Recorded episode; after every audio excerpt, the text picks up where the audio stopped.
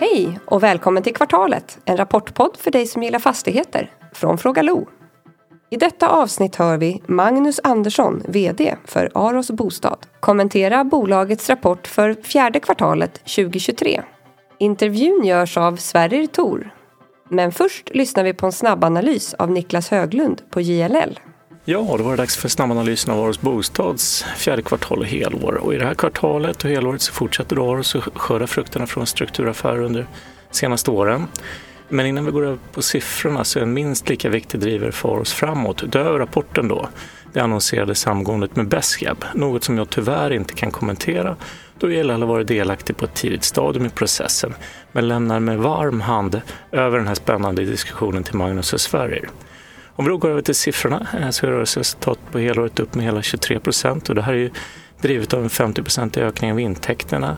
Eh, bolaget eh, rapporterar en bruttomarginal på cirka 20 procent i linje med målen och en rörelsemarginal om drygt 12 procent. Rörelsemarginalen är något under målen som är 15 då, men sticker ut jämfört med konkurrenterna i en utmanande marknad. Vinsten per aktie faller något givet utspädningen utspänningen från förvärvet av byggrätterna från Alm Equity. Och om vi zoomar in på sista kvartalet så möter bolaget helt klart tuffare jämförelser då förra årets sista kvartal innehöll tillträden från ALM-portföljen som gav viss, ja, ska man säga, engångseffekt på resultatet. Eh, starterna på helåret är upp med hela 61 procent drivet av att bolaget har startat hyresrättsprojekten som har såldes till Patricia 2022. Men sålda enheter är fortsatt lågt Eh, då bolaget faktiskt har väldigt lite att sälja. Jag kommer tillbaka till det. Bolaget har ingen utdelning på stamaktien utan har en preferensaktie för de som föredrar utdelning. Eh, soliditeten i bolagen är, bolaget är höga 80 procent eh, och det egna kapitalet är cirka 2,1 miljarder idag. Bolaget har även en byggrättsportfölj med över 6 100 byggrätter. Vi saknar förväntningsbild då det är få analytiker som ännu följer bolaget men aktien var upp med cirka 2% på rapportdagen vilket är en positiv respons även från marknaden kopplat till rapporten bedömer jag. Det är en fortsatt tuff marknad för bostadsutveckling. Och som jag nämnde så har bolaget haft en rätt låg försäljning och bara sålt 22 lägenheter i kvartalet. Det är i och för sig dubbelt så många som man har gjort de senaste två kvartalen men det är en fortsatt låg siffra i absoluta tal och man ska då ställa den mot att bolaget bara har 60 lägenheter som man hade möjlighet att sälja då man har höga 87 procent sålda enheter under produktion. Eh, Aros är fortsatt försiktig i sina utsikter på marknaden kortsiktigt men kommenterar att kundernas osäkerhet gradvis minskar. Något som vi även hört från de andra bostadsutvecklarna eh, och det här skapar en, en helt klart bättre bas inför 2024 jämfört med förra året. Mycket kopplat till att ränteläget förväntas komma ner. Tre negativa. Stigande byggkostnader har varit en orosfaktor särskilt för hyresrättsportföljen där bolaget har säkrat intäkterna även om bolaget ser en stabilisering och potential för lägre kostnader i dagsläget. Eh, svag konjunktur och svaga disponibelinkomster för hushållen riskerar att fortsätta pressa ja, BRF och småhuspriserna ytterligare men där ett lågt utbud och att vi närmar oss räntetoppen bör balansera framåt. Och slutligen väldigt svaga rapporter från konkurrenterna som helt klart har sämre förutsättningar att starta projekt och, och dessutom skriver ner värden på byggrätter vilket spiller över på sentimentet för bostadsutveckling och sannolikt även håller tillbaka även ARs kursutveckling i dagsläget. Tre positiva. Det är en framgångsrikt förbättrat rörelseresultat från pågående produktion vilket ger bolaget en starkare bas att växa och utnyttja dagens tuffare marknad.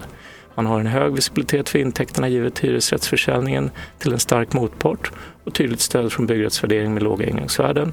Och där ALM-affären även adderar ytterligare pipeline främst kring småhus. Och slutligen landar i visibilitet för värdeskapande och tillväxt. Eh, och Aros fortsätter ju att bygga eget kapital genom de här affärerna vilket ger dem en stark bas att växa när andra har det svårt. Sen uppmanar jag alla eh, investerare att lyssna på samtalet och, och, och, läsa på när det gäller sammanslagningen med Beska, vilket är en viktig drivare för bolaget och som jag inte har kunnat kommentera i den här snabbanalysen. Hej Magnus! Hej! Jo tack, det är bara bra. Mm. Soligt, mm. Bra bokslut. Ja, det tycker jag också. Eh, det är liksom spännande tider hos er så jag tänker vi kommer prata en del om, om om det nya Aros, eller nya Beskab som det kommer att heta. Men, men vi börjar med, rapporten. Eh, ja. Jag tycker att jag har drivit tesen nu eh, senaste veckorna att, att det är någonting, någonting positivt har hänt i branschen och jag tycker man kan läsa det i rapporten också. Det, det ändå börjar ticka upp lite både försäljningar och, och, och sådär. Och så Ja, absolut. Eh, sista kvartalet var ju, det var ju en väldigt avvaktande marknad men det kom en tydlig, inte brytpunkt men i alla fall ett tecken när Riksbanken lämnade räntan oförändrad. Mm. Eh, där följdes ju det av prognoser om räntesänkningar och att inflationen är under kontroll och man märker att mot slutet av kvartalet och även nu efter årsskiftet att det är, det är en skillnad. Det är en skillnad i att mm. det är intressenter på visningarna. Det, statistiken för januari kom ut igår och där ser man att transaktionsvolymerna stiger. Mm. Så att marknaden börjar komma igång igen. Sen såg vi också i statistiken att prismässigt så är det kanske till och med ett tryck neråt. I Stockholm var det i och för sig plus minus noll men i landet så lite neråt och det är nog för att det är ett väldigt stort utbud. Och det utbudet måste ut på marknaden och då kommer det vara lite volatilt men lite tror jag ett antal kvartal till innan marknaden har normaliserat sig. Men det, det är väldigt positivt att kundernas osäkerhet minskar, kunderna vågar göra bostadsaffärer och marknaden börjar sakta komma igång. Så det, det är nog lite tidigt att säga att det är en vändning men man kanske kan säga att det värsta är över och att det i alla fall börjar röra sig åt rätt håll. Så det är mm. väldigt positivt. Vad, vad föredrar du? Eh, fler affärer till lägre pris eller färre affärer till högre pris? Nej, men ju, alltså jag tror, ja, vi, vi försöker hålla i våra priser så mycket vi bara kan. Jag, jag tror, men det är klart att att det finns som jag sa, det finns ett uppdämt utbud, ett stort utbud. Dels på ny, mm. inte så mycket nyproduktion faktiskt, utan mest successionsmarknaden och det, det, är bra att den börjar komma igång. Så att det sker försäljningar för det, det sätter igång flytt, flyttkedjorna.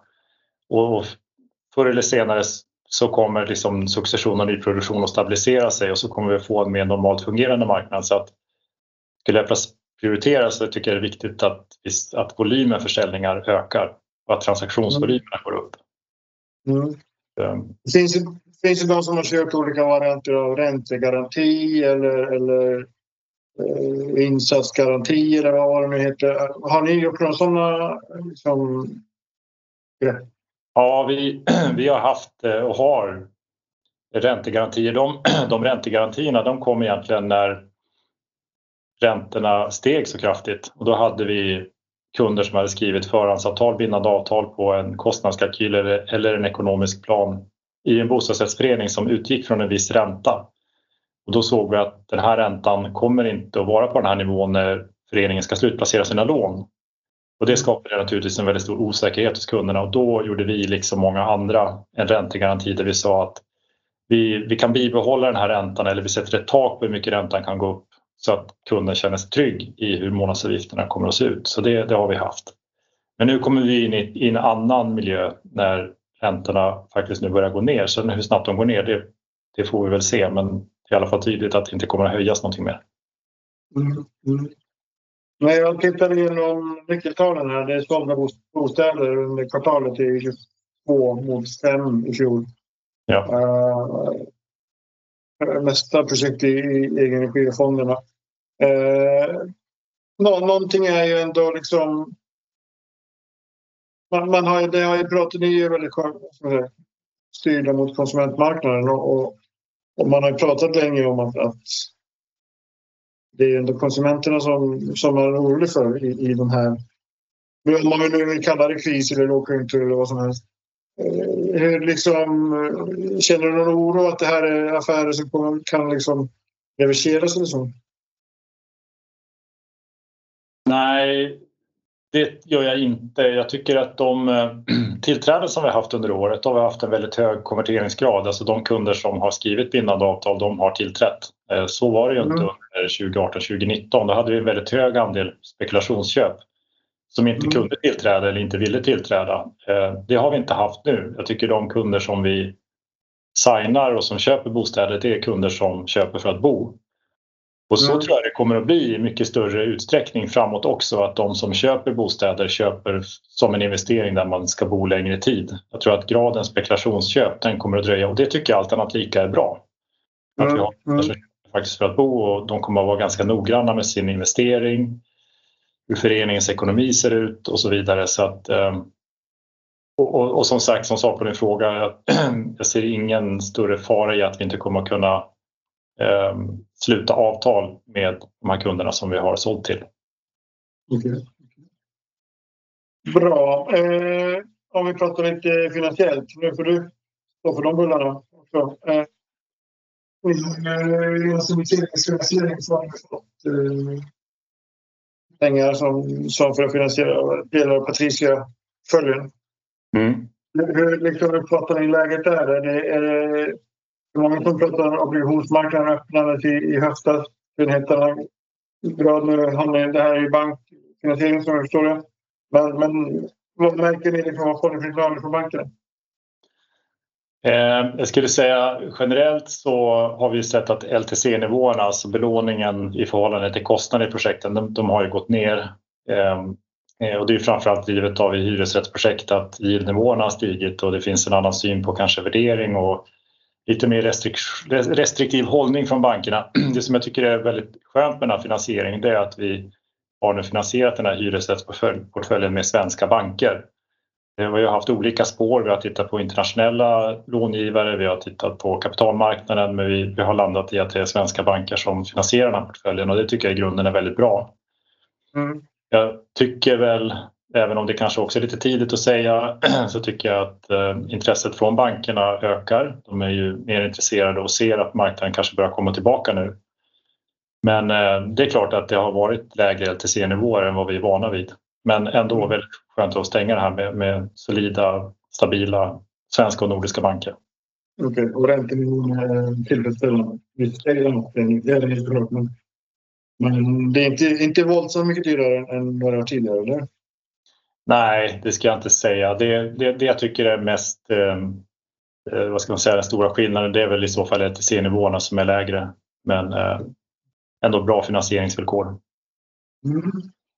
Eh, ni har eh, skaffat en ny, eh, ny eh, likviditetsgarant. Ni har också bytt Certified Advisor. Det, det är liksom petitesser tycker många. Men vad, vad innebär, var, varför gör man det? Vad, liksom, vad, vad får ni för, finns det för, för syfte? Om så? Alltså likviditetsgaranten, eh, det är ju samma. Är ju, vi hade ju Penser, men Penser ingår ju nu i Carnegie. Ja, just det. Mm. det. är väl egentligen det bytet och så vi har egentligen samma. Likviditetsgaranten så här generellt vi, vi tycker väl att vi har haft en låg eh, likviditet i aktien. Nu, nu kommer vi kanske prata om Escabaffären som är i syfte att också öka likviditeten i aktien men det har varit ganska stora spreadar och då är väl likviditetsgarantin ett sätt att försöka stänga skillnaden mellan köp och säljsidan. Så att vi har haft den likviditetsgarantin ett antal år både i preferensaktien och stamaktien. Ehm, mm. Så att det är väl ett sätt att på något sätt eh, stabilisera kursen och få lite mindre skillnad mellan köp och säljsidan. Okay. okay. Bra. Ska vi gå över till Bestcab? Vad sa du? Ska vi gå över till Bestcab? Det kan vi göra. Ja, det var ju... Jag ska säga att det var en bomb, men det var ändå... Den slog ner liksom. Det var, många som blev överraskade tror jag. Det, det finns ju uppenbar logik i affären. Men kan inte du bara gå igenom det här lite? Vad, vad, vad, är, det ni, vad är det ni gör? Det, det som, ja, affären är ju formellt så att vi har lämnat ett uppköpserbjudande till aktieägarna i Besqab. Eh, och det uppköpserbjudandet det har ju föregåtts av en värdering och eh, det har ju ett starkt stöd. Det har ett enhälligt stöd i båda, både Aros och eh, Besqabs styrelser. Och sen har vi då stöd från aktieägarna i Besqab på över 70 procent, vilket är högt redan när affären offentliggörs. Sen har vi ett villkor om att det ska vara 90 procent i anslutningsgrad och nu kommer vi då att baserat på bokslutet som vi släppte den här idag och eh, BESKABs bokslut som släpptes förra veckan så kommer vi att ta fram ett prospekt och sen har vi en acceptperiod på ett antal veckor. Så någonstans i mars så kommer vi att kunna se då att affären går igenom förhoppningsvis när vi har nått upp till de här 90 procenten. Men syftet med affären det är ju att ett samgående. Alltså att vi verkligen går samman, Aros och BESKAB och bildar ett, ett nytt bolag där vi ska få en större volym. Mm en större byggrättsportfölj.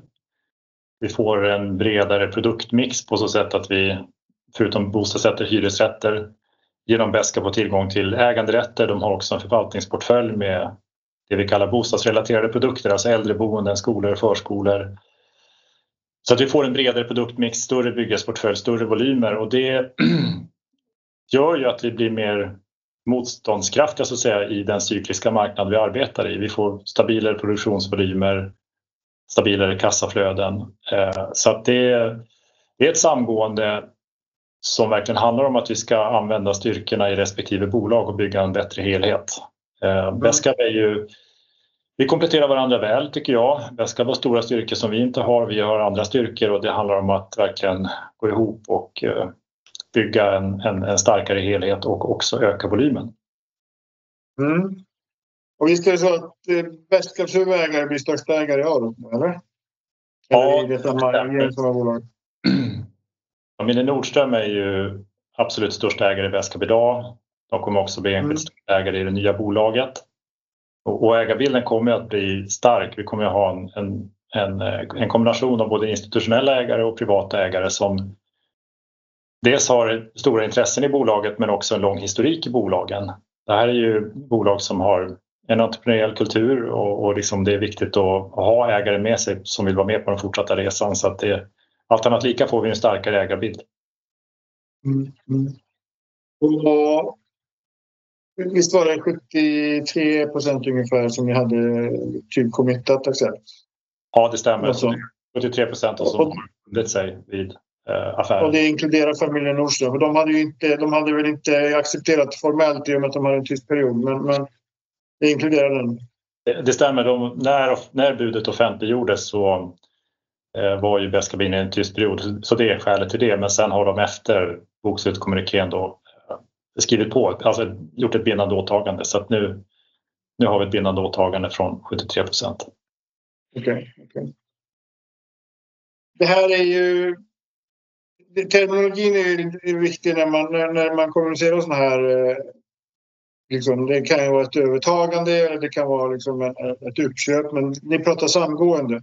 Mm. Eh, vilket man bland annat ser av att, att till exempel att att eh, det blir som ledningsgrupperna kommer ni blanda ihop. Eh, hur, liksom, hur mycket av ett övertagande är det här? För Betskap har ju, de har haft det rätt tufft rätt länge nu. Ja, nej, det, det är verkligen från perspektiv så är det ett samgående och det är så jag också ser det. Det handlar om att vi ska verkligen integrera bolagen för att skapa en bättre helhet och i det ligger ju att vi har uttalat att vi kommer ha en, en, en ehm, så att säga, mix i, i en ny ledningsgrupp som består av nyckelpersoner både från Beskab och från Aros och att vi ska verkligen gå in i det här med namnet Beskab är ett annat skäl då att vi tar det varumärket Beskab som vi tycker är ett starkare varumärke i konsumentleden. Så det mm. handlar, det handlar verkligen i praktiken om ett samgående. Um, och um, jag uppfattar också att det finns en stor vilja från, från Beskab att göra det här och det är lika från vår sida. Så det, det är verkligen ett samgående snarare än ett övertagande på något sätt. Mm. Och visst finansierar ni enkom med aktier? Det är inga, inga pengar som byter händelsen till? Nej, det stämmer. Det är, det är ett, aktie, ett aktiebud där varje aktieägare Beskab får ja, 1,04 stamaktier i Aros Bostad plus en fraktion av en preferensaktie. Okay. Ehm, så, att, så i grunden är det ett aktiebud och det är också väldigt positivt att vi inte behöver använda kassan. Sen, sen finns det ju lite grann beroende på hur hög acceptansnivå vi har. Nu siktar vi på nära, så nära 100 procent vi kan men sen finns det ju ett förfarande där man löser in aktier och den kan ju ha en viss likviditetseffekt. Mm. Men i grunden är det en affär. Okej. Okay. Eh, jag gissar att ni kommer behöva emittera nya aktier då? Det, det, ja. Ni har inte det på lager så att säga. Nej, precis. Vi får emittera nya aktier då. Och sen är det så att vi ehm, eh, Beskab är ju noterade på huvudlistan och vi är noterade på First North så det kommer bli i praktiken så att Beskab avnoteras och sen handlas vi på First North. Men det har vi också uttalat att vi har en ambition om att gå tillbaka till huvudlistan när bolaget har eller bolagen har integrerats så det blir ju under hösten. Så att vi har en uttalad plan om att 2024 ska vi ansöka om notering på huvudlistan under namnet Beskab. Okej. Okay. Varför gör ni på det sättet? Varför inte bara gå rakt in på huvudlistan? Ni har ju ni har flera historik liksom i, i, i Aros så det, det, det finns ju inga liksom, formella hinder för det. Nej, det, Det är faktiskt framförallt kopplat till att vi har en preferensaktie i Aros okay. och flera olika skäl till att det blir praktiskt svårt att föra över den där preferensaktien som vi tycker är en bra finansiering så då, då blir det den här vägen. Men vi har ju, Aros har ju haft som ambition att göra, genomföra ett listbyte så vi har ju förberett oss för att genomföra det listbytet så vi, vi ser väl framför oss att det här ändå ska kunna gå hyggligt eh, smidigt. Okay, okay. Eh, du nämnde ju bostadsrelaterade produkter, eh, samhällsfastigheter som ja. andra kallar dem. Eh, Vescav sålde ju en portfölj bara dagen innan budet blev offentligt.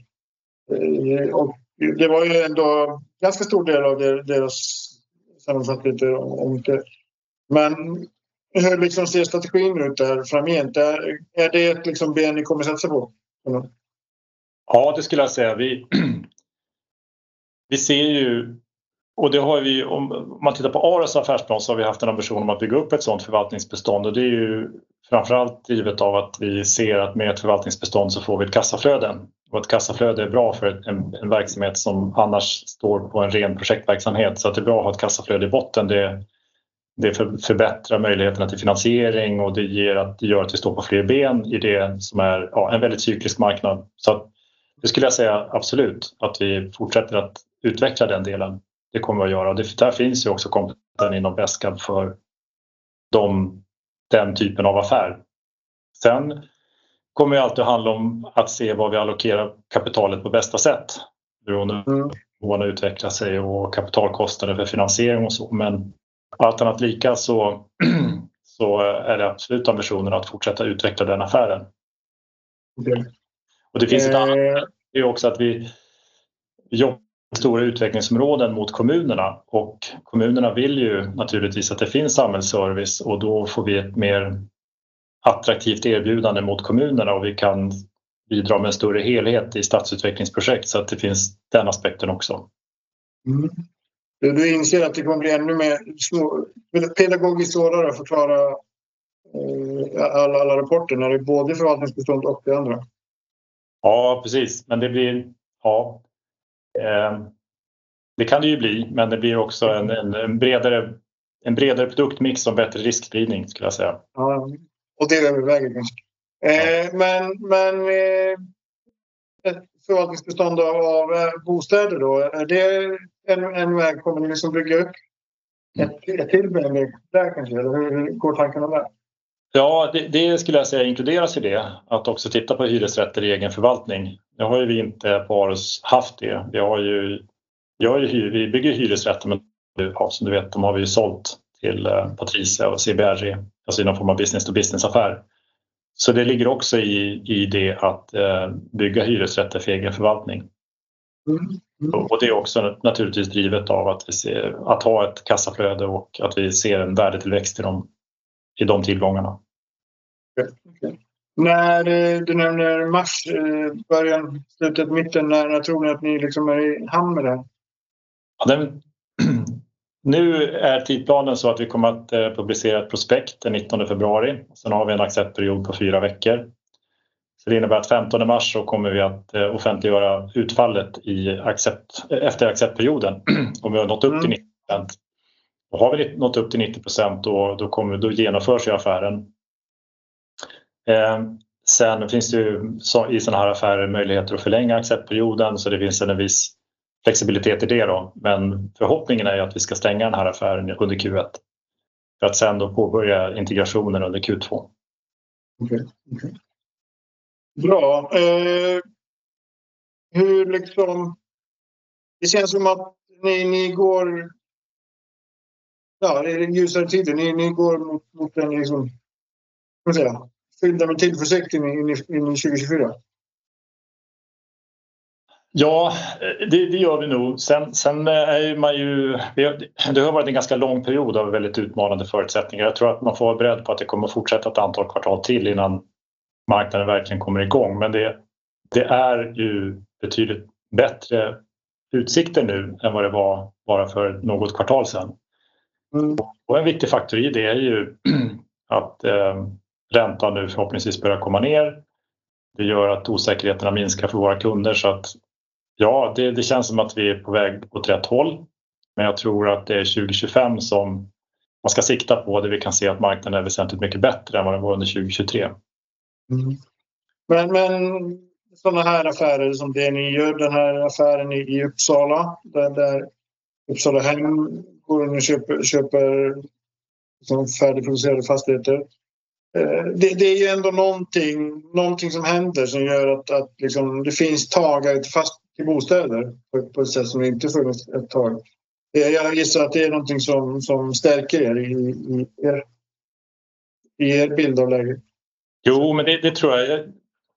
Som jag sa, både eh, bankerna, vi ser ett ökat intresse kring bostadsaffärer. Eh, om 2023 var ett väldigt, väldigt trögt år så är det klart att intresset har ökat. Jag tror att alla ser att långsiktigt så är ju förutsättningarna för bostadsproduktion både som ägda boenden och hyrda boenden i Stockholm, det är ju, de är ju väldigt bra.